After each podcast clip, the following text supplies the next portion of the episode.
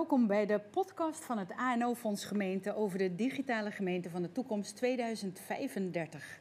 Mijn naam is Elisabeth van der Hogen en in deze serie praat ik zowel met de leden van een denktank die samen is gesteld door het ANO-fonds Gemeente en opgericht is speciaal rondom dat thema digitale gemeente. En ik spreek ook met andere experts op het gebied van innovatie en digitalisering.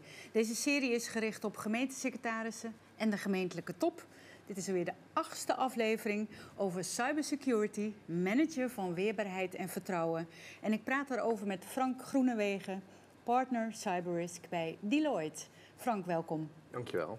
Om te beginnen, drie stellingen voor jou voor een kort antwoord. Gemeenten die denken dat ze de boel op orde hebben, zitten altijd mis. Waar? En waarom?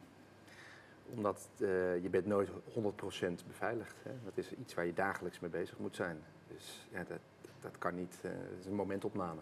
Aha.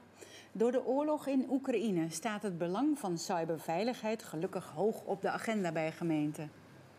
Mm, het belang wellicht wel, maar in de praktijk ook daadwerkelijk iets doen, dat zijn denk ik twee verschillende dingen. Een gemeente is het meest geholpen bij af en toe een goede hek. Ja. Want? Ik denk dat we met, met alles, hè, niet alleen een gemeente, we, we, we, proberen risico's te managen. Maar dan moeten nog wel dingen in de praktijk gebeuren om, eh, om, om, om te kijken waar doen we het ook alweer voor. En in welke prioriteit, uh, welke prioriteit geven we eraan? Ja, en als het mis is, dan komt de boel weer in beweging. Nou ja, en dan toont dat weer aan welke lessen we daaruit kunnen trekken. Zie het maar als uh, op, op de snelweg. Hè. We hebben heel, of op, gewoon op de weg. We hebben heel veel met elkaar gedaan in de afgelopen jaren om uh, reizen per auto op de wegen zo veilig mogelijk te maken. Dat betekent niet dat er geen ongelukken meer kunnen gebeuren. Hè. In cybersecurity land is dat ook. Maar we proberen dat tot een minimum te beperken. En elke keer als dat gebeurt, toch weer te kijken welke les kunnen we daaruit trekken en kunnen we die gebruiken om toch weer veiliger te worden in de toekomst. Kijk, dankjewel. Um, Frank, ik wil graag iets meer over jou weten met betrekking tot het thema. Waar komt jouw passie speciaal voor cybersecurity vandaan? Nou, van jongs af aan, uh, vanaf mijn achtste volgens mij, ben ik in aanraking gekomen met computers. En al vrij snel daarna met het internet destijds was het internet, ja, dat was een heel, dat was uh, onontdekt terrein. Dus ik zou bijna willen zeggen dat ik daar op een, een grote ontdekkingsreis uh, ben gestart en begonnen. Google bestond niet, filmpjes niet, ook geen handleiding hoe bepaalde dingen werken. En al snel kwam ik in aanraking met, ja, ik wil die computer iets laten doen wat hij eigenlijk niet hoort te doen of kan doen. Hè. Uh, ethisch hacken, of nou ja, hacken. Ik kan wel zeggen, als kleine jongen is dat soms wat minder ethisch. Hè. Heb ik echt wel veel kattenkwaad eh, uitgehaald op internet. Maar terwijl ik dat aan het doen was, dacht ik, ik moet hier, ik moet dit voor een goede manier uh, inzetten en, de, uh, en daar mijn werk van maken. En gelukkig is in de afgelopen jaren ook dus, hè, de cybersecurity-markt sloot daarbij aan. Dus ik heb ja. van mijn hobby mijn werk gemaakt. Wauw, dankjewel. Van welke, volgende vraag, van welke beruchte cyberaanval ben je dan onder de indruk? Als je toen vroeger al als kind en als jongere al zo zelf al zo leuk vond. Van welke aanval was je onder de indruk? Ja, het zijn wel heel veel verschillende aanvallen geweest. Maar ik denk de meest recente is uh, Kaseya-hack, noemen we dat uh, in onze sector. Kaseya is een Amerikaans softwarebedrijf wat grote IT-dienstverleners gebruiken om hun klanten te beheren en te managen en te updaten. En daar was een kwetsbaarheid in gevonden. En via die kwetsbaarheid werden er ineens 2000 uh, bedrijven gehackt. En daarmee hadden criminelen ook direct met één druk op de knop eigenlijk de volledige controle over al die bedrijven. Dus ook al waren bedrijven geweldig goed beschermd, ja, kreeg eigenlijk met deze hack kregen ze direct dezelfde rechten als de IT-dienstverleners, die natuurlijk alles normaal beheren. Nou, wellicht ook voor een gemeente. Ja, daarbij zijn er wereldwijd uh, heel veel slachtoffers gevallen. En dat heeft bijvoorbeeld in Zweden geresulteerd dat de co-op supermarktketen ineens 700 supermarkten uh, moest sluiten. En dat is dus direct maatschappelijke impact, waarin uh, klanten niet meer boodschappen kunnen doen, waarin je je verse aardbeien moet weggeven, omdat je ze anders moet storten. Dus ja, dat, dat, dat is onzagwekkend. Ja, vandaag de dag heeft een hack vaak uh, grote impact, dan wel niet uh, maatschappelijke impact. En daarom vind ik het ook zo belangrijk om zo goed mogelijk daarmee aan de slag te gaan. En onze klanten, maar daarmee ook de maatschappij een stukje veiliger te maken. Ja, en zijn we in de wereld altijd één slagje achter. Dus deze hek, waarbij die supermarkten moesten sluiten, die hebben we inmiddels wel weer weten te beveiligen. Dus die zal nooit meer gebeuren. Ik denk niet nooit meer. Hè. Het is een, uh, tussen hackers, dat ziet maar ook gewoon als een criminele. Hè. Het is een kat-en-muisspel. 100% beveiliging bestaat niet. Dus het is continu een afweging met hetgeen wat we vandaag de dag weten. Welke technieken gebruiken de hackers om een bedrijf aan te vallen? Als bedrijf of als gemeente moet je ook goed weten, oké, wie zijn die criminele hackers dan en hoe werken ze? Op het moment dat je dat weet, weet je ook, oké, welke beveiligingsmaatregelen moet ik dan ook treffen om die specifieke hackers eh, op tijd genoeg, nou eigenlijk idealiter te kunnen weren, maar dat, dat bestaat niet volledig. En om ze dan snel genoeg te zien, hè, dat is heel gelaagd, om uh, erop te kunnen reageren. Oké, dankjewel. Nu hebben we het over nou, um, niveautje hoger, één niveautje lager of een paar, zonder dat we mensen of organisaties belachelijk willen maken. Maar waar schud je je hoofd over? Wat, wat zie je nog gebeuren waarvan je denkt dat dat kan toch eigenlijk niet meer dat je dit laat gebeuren of dit, dat dit jou overkomt? Ja, ik verbaas me toch nog steeds wel over dat de meeste slachtoffers de basisbeveiliging niet op orde hebben. Dus hè, een slachtoffer wat vandaag de dag nog welkom, uh, nou, laten we zeggen, welkom 2022 als wachtwoord heeft uh, en gehackt wordt. Of een IT-dienstverlener waardoor een grote gemeente gehackt kan worden, uh, die nog geen tweestapsverificatie op de beheerdersaccounts heeft zitten. Ja, dat mag eigenlijk echt niet meer, meer gebeuren. Dat is bijna als rijden over het Formule 1 circuit zonder je gordel vast te maken. Oh zo, oké. mooie vergelijking. Volgens mij uh, maak erg risicovol. Dat is erg risicovol. En met dat soort vergelijkingen maak je natuurlijk dingen ook beeldend voor mensen die nou, misschien nog wel helemaal aan het begin staan. Ja, dat hoop ik. Ik hoop vaak die vergelijkingen op zo'n manier te trekken, zodat het uh, begrijpbaar wordt. Want ja, cybersecurity wordt vaak gezien als een, als een IT-aangelegenheid, een IT-probleem. En in IT worden dingen natuurlijk al snel vaak heel complex. En ik vind het ook leuk vanuit mijn, mijn rol vandaag de dag ook binnen Deloitte om ja, de brug te vormen tussen de, ik zeg het, de complexe taal en de technische complexiteit van de nerds. En om die toch begrijpbaar te vertalen naar uh, de bestuurders dan wel uh, de boards toe. Zodat zij op basis van die informatie hopelijk veel begrijpbaarder, betere uh, beslissingen en besluiten kunnen nemen. Kijk, dankjewel. En, en richt jouw werk zich dan ook vooral op die bestuurders op uh, zo'n gemeentelijke top bijvoorbeeld? Of word je ingevlogen voor de technische? Nou, beide. Hè. Het is, eh, we kunnen dingen heel erg top-down eh, benaderen, maar ik hou ook heel erg van bottom-up. Dat komt misschien ook omdat ik een nerd ben en heel lang in de operatie gewerkt heb. Je kan bovenin een prachtige strategie bedenken, maar als die onvoldoende goed vertaald wordt naar de operatie toe en mensen weten beneden niet wat dat betekent in de uitvoering, ja, dan gaat dat mis. Dus ik adviseer bestuurders vanuit hoe, hoe, je cybersecurity bijvoorbeeld inricht en hoe dat in de bedrijfsvoering past. Maar ook wat dat betekent naar de uitvoer toe. En daarnaast help ik dan ook bedrijven om ze in die uitvoer te helpen. En dat ook weer uh, te toetsen, hè, te oefenen bijvoorbeeld. Ja. En, en, kun je een paar opdrachten schetsen, behalve dat je nu globaal vertelt ja. uh, uh, welke organisatieonderdelen je adviseert of helpt. Maar wat voor opdrachten krijg je zo al? Ja, dus heel erg over hoe, hoe hangen we nu, wij noemen dat een target operating model. Hè, dus even in normale mensentaal, hoe zorg je nu dat cybersecurity uh, in de top belegd is en bij wie is dat dan belegd en hoe werkt zich dat nou uit naar de, naar de uitvoer toe, hè, vanuit de governance, vanuit de structuren, vanuit de processen.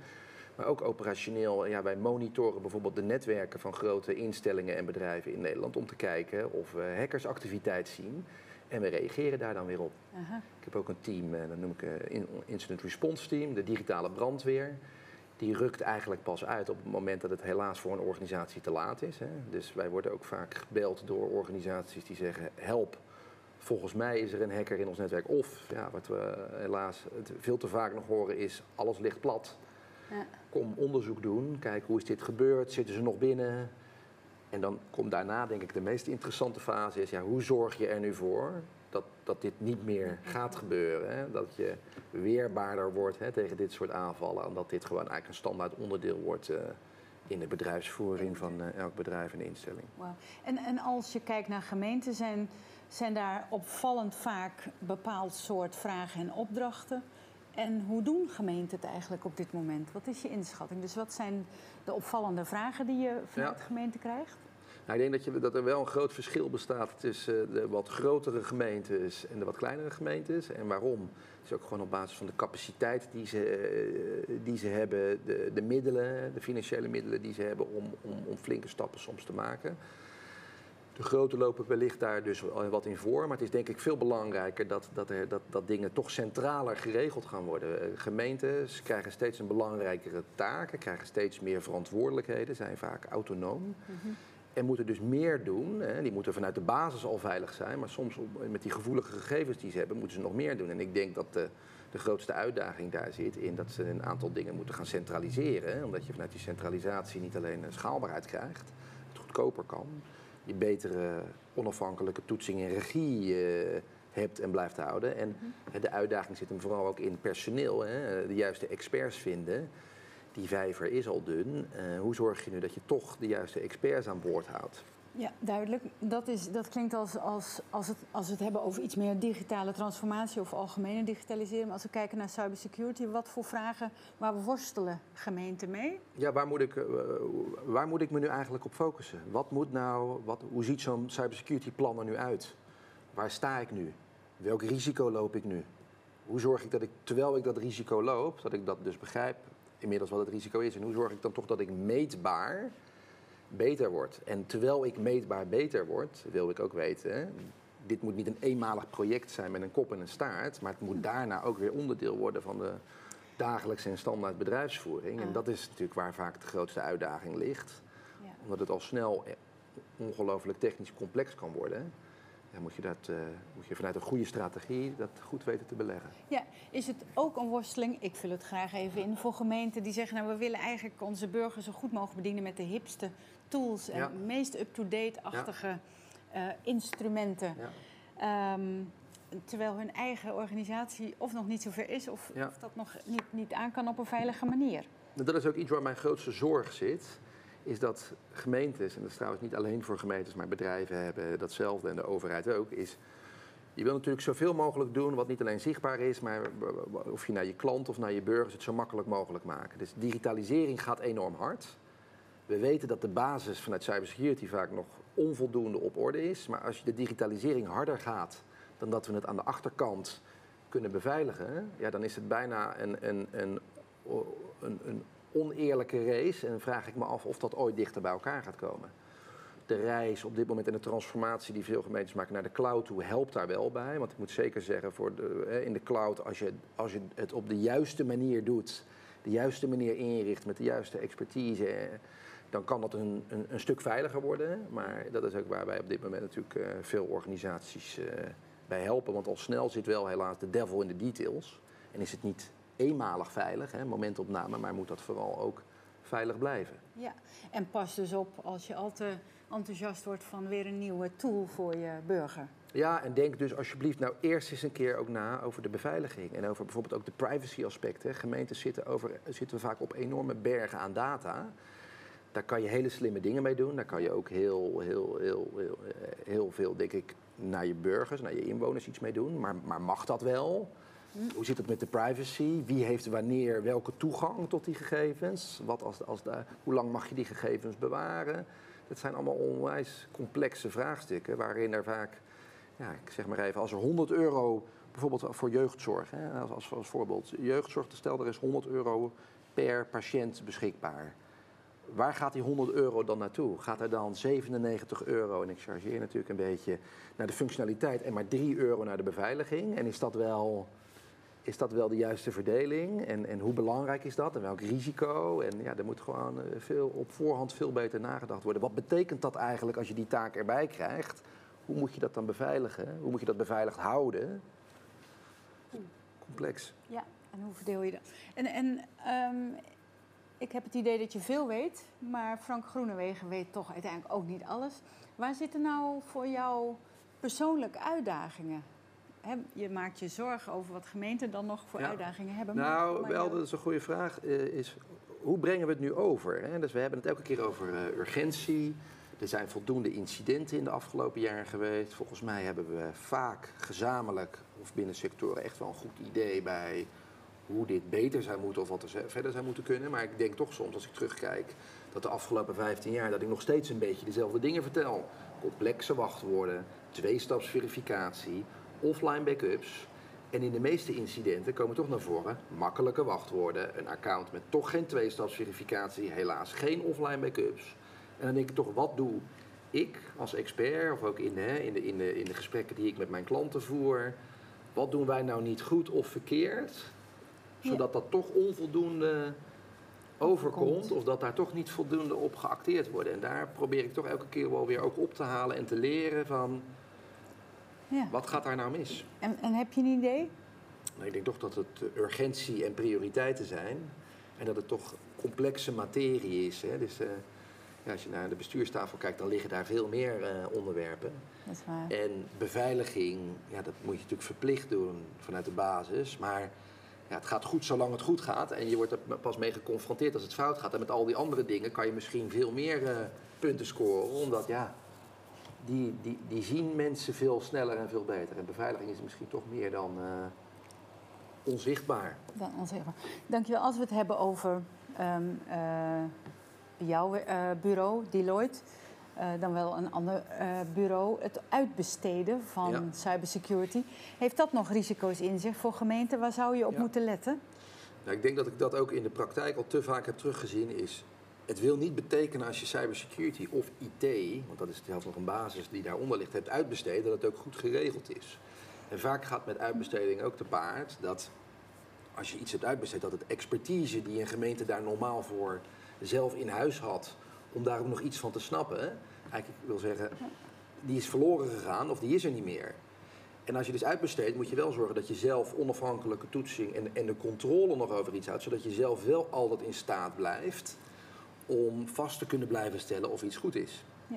En daarnaast zie ik heel vaak terug dat in, met uitbesteding dat er nog te veel dingen worden uitbesteed, dat in de contracten vooral aandacht is op functionaliteit en prijs. En te weinig op beveiliging en dus digitale beveiliging. Hm. En dat als er dan later incidenten zijn, dat er heel erg terug weer wordt gekeken naar het contract. En dan wordt gezegd, ja, maar dat stond ook niet in ons contract. Deze verplichting hadden wij niet. Uh, ja, dat, uh, wat je hier wil, dat is geen onderdeel van wat we met elkaar hebben afgesproken. En ja, dat is natuurlijk ook wel uh, wow. pijnlijk als dat vandaag de dag nog steeds het geval is. Dus er moet er gewoon veel meer aandacht op voorhand al voorkomen. Ja, uitbesteden is een riskant avontuur. Nou, uitbesteden is op sommige onderwerpen wellicht goed. Alleen je moet wel zelf de controle houden. En vaak gaat uitbesteden ook gepaard met dat je daardoor uit het oog verliest of iets goed gaat nog of niet. Er wordt alleen nog maar naar het resultaat gekeken en niet met hoe veilig dat gebeurt. Oké, dankjewel. Als we toch even kijken naar het hebben van controle, het grip houden op processen, dan komen we toch ook wel bij de gemeentesecretaris. Welk kennisniveau zou de gemeentesecretaris moeten hebben van bijvoorbeeld dat ja. wat is uitbesteed of dat wat technisch moet gebeuren of al die opletpunten? Welk expertiseniveau ja. moet de gemeentesecretaris hebben om de gewenste organisatieverandering voor elkaar te krijgen? Ik denk dat het enorm helpt als uh, zo'n gemeentesecretaris natuurlijk digitaal onderlegd is. En dat hoeft denk ik niet per se, zolang hij zich maar goed laat adviseren. Hè? En ook zolang hij maar het juiste expertise op het juiste moment weet af te roepen. Dus ik denk het belangrijkste is, weet de juiste vragen te stellen.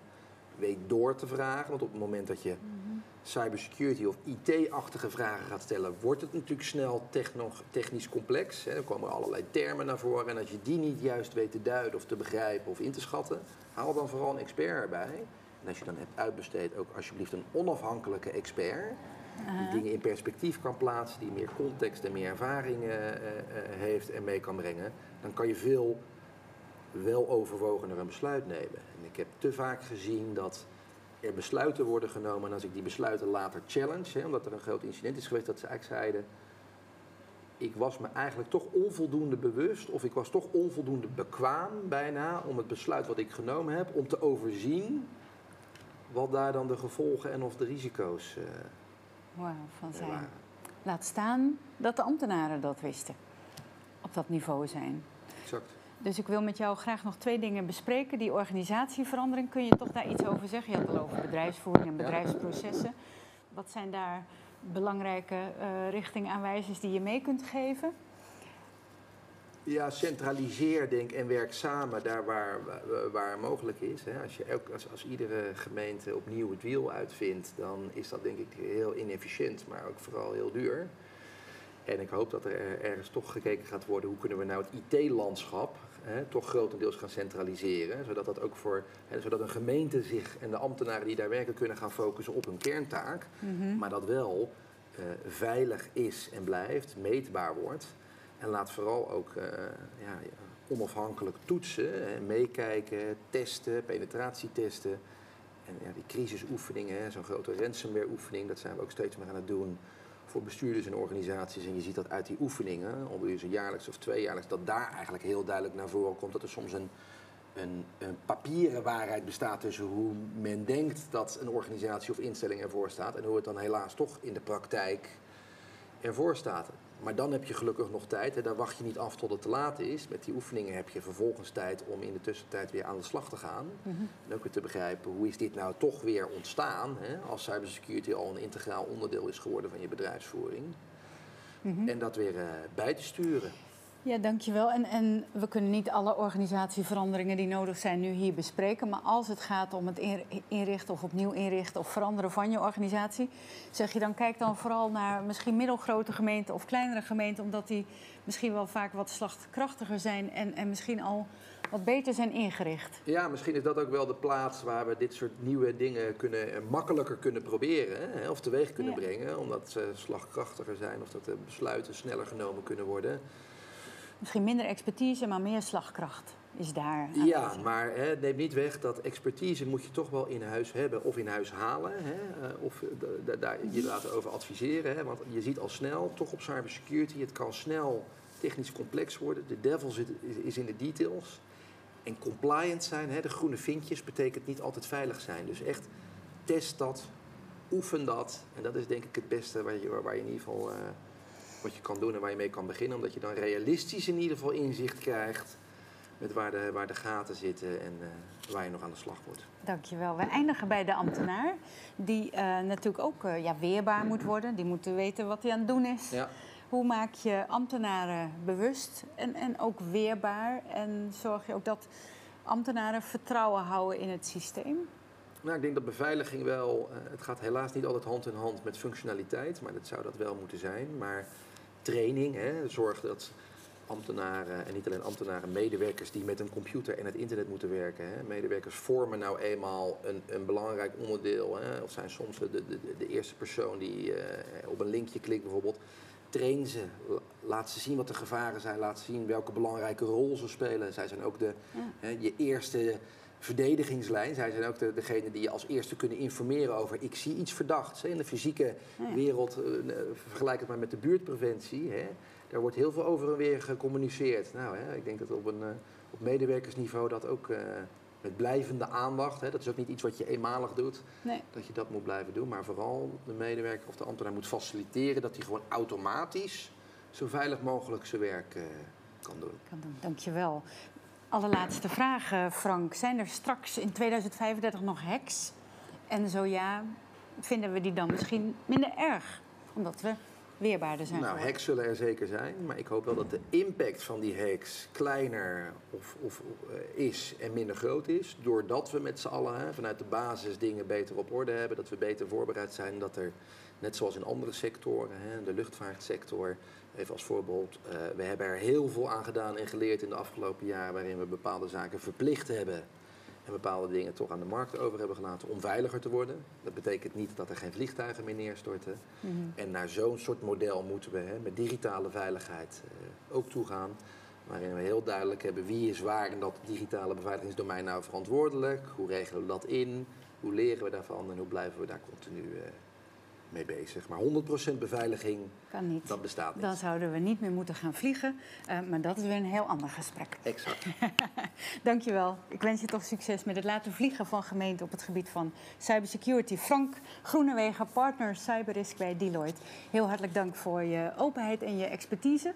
Ik wens je daarbij ook uh, veel succes. Mijn naam is Elisabeth van der Hogen. Fijn dat je luisterde naar deze podcast met Frank Groene Wegen van Deloitte sprak ik over cybersecurity, het managen van weerbaarheid en vertrouwen. Dit was de achtste aflevering over de digitale gemeente van de toekomst, een serie van het ANO-fonds Gemeente.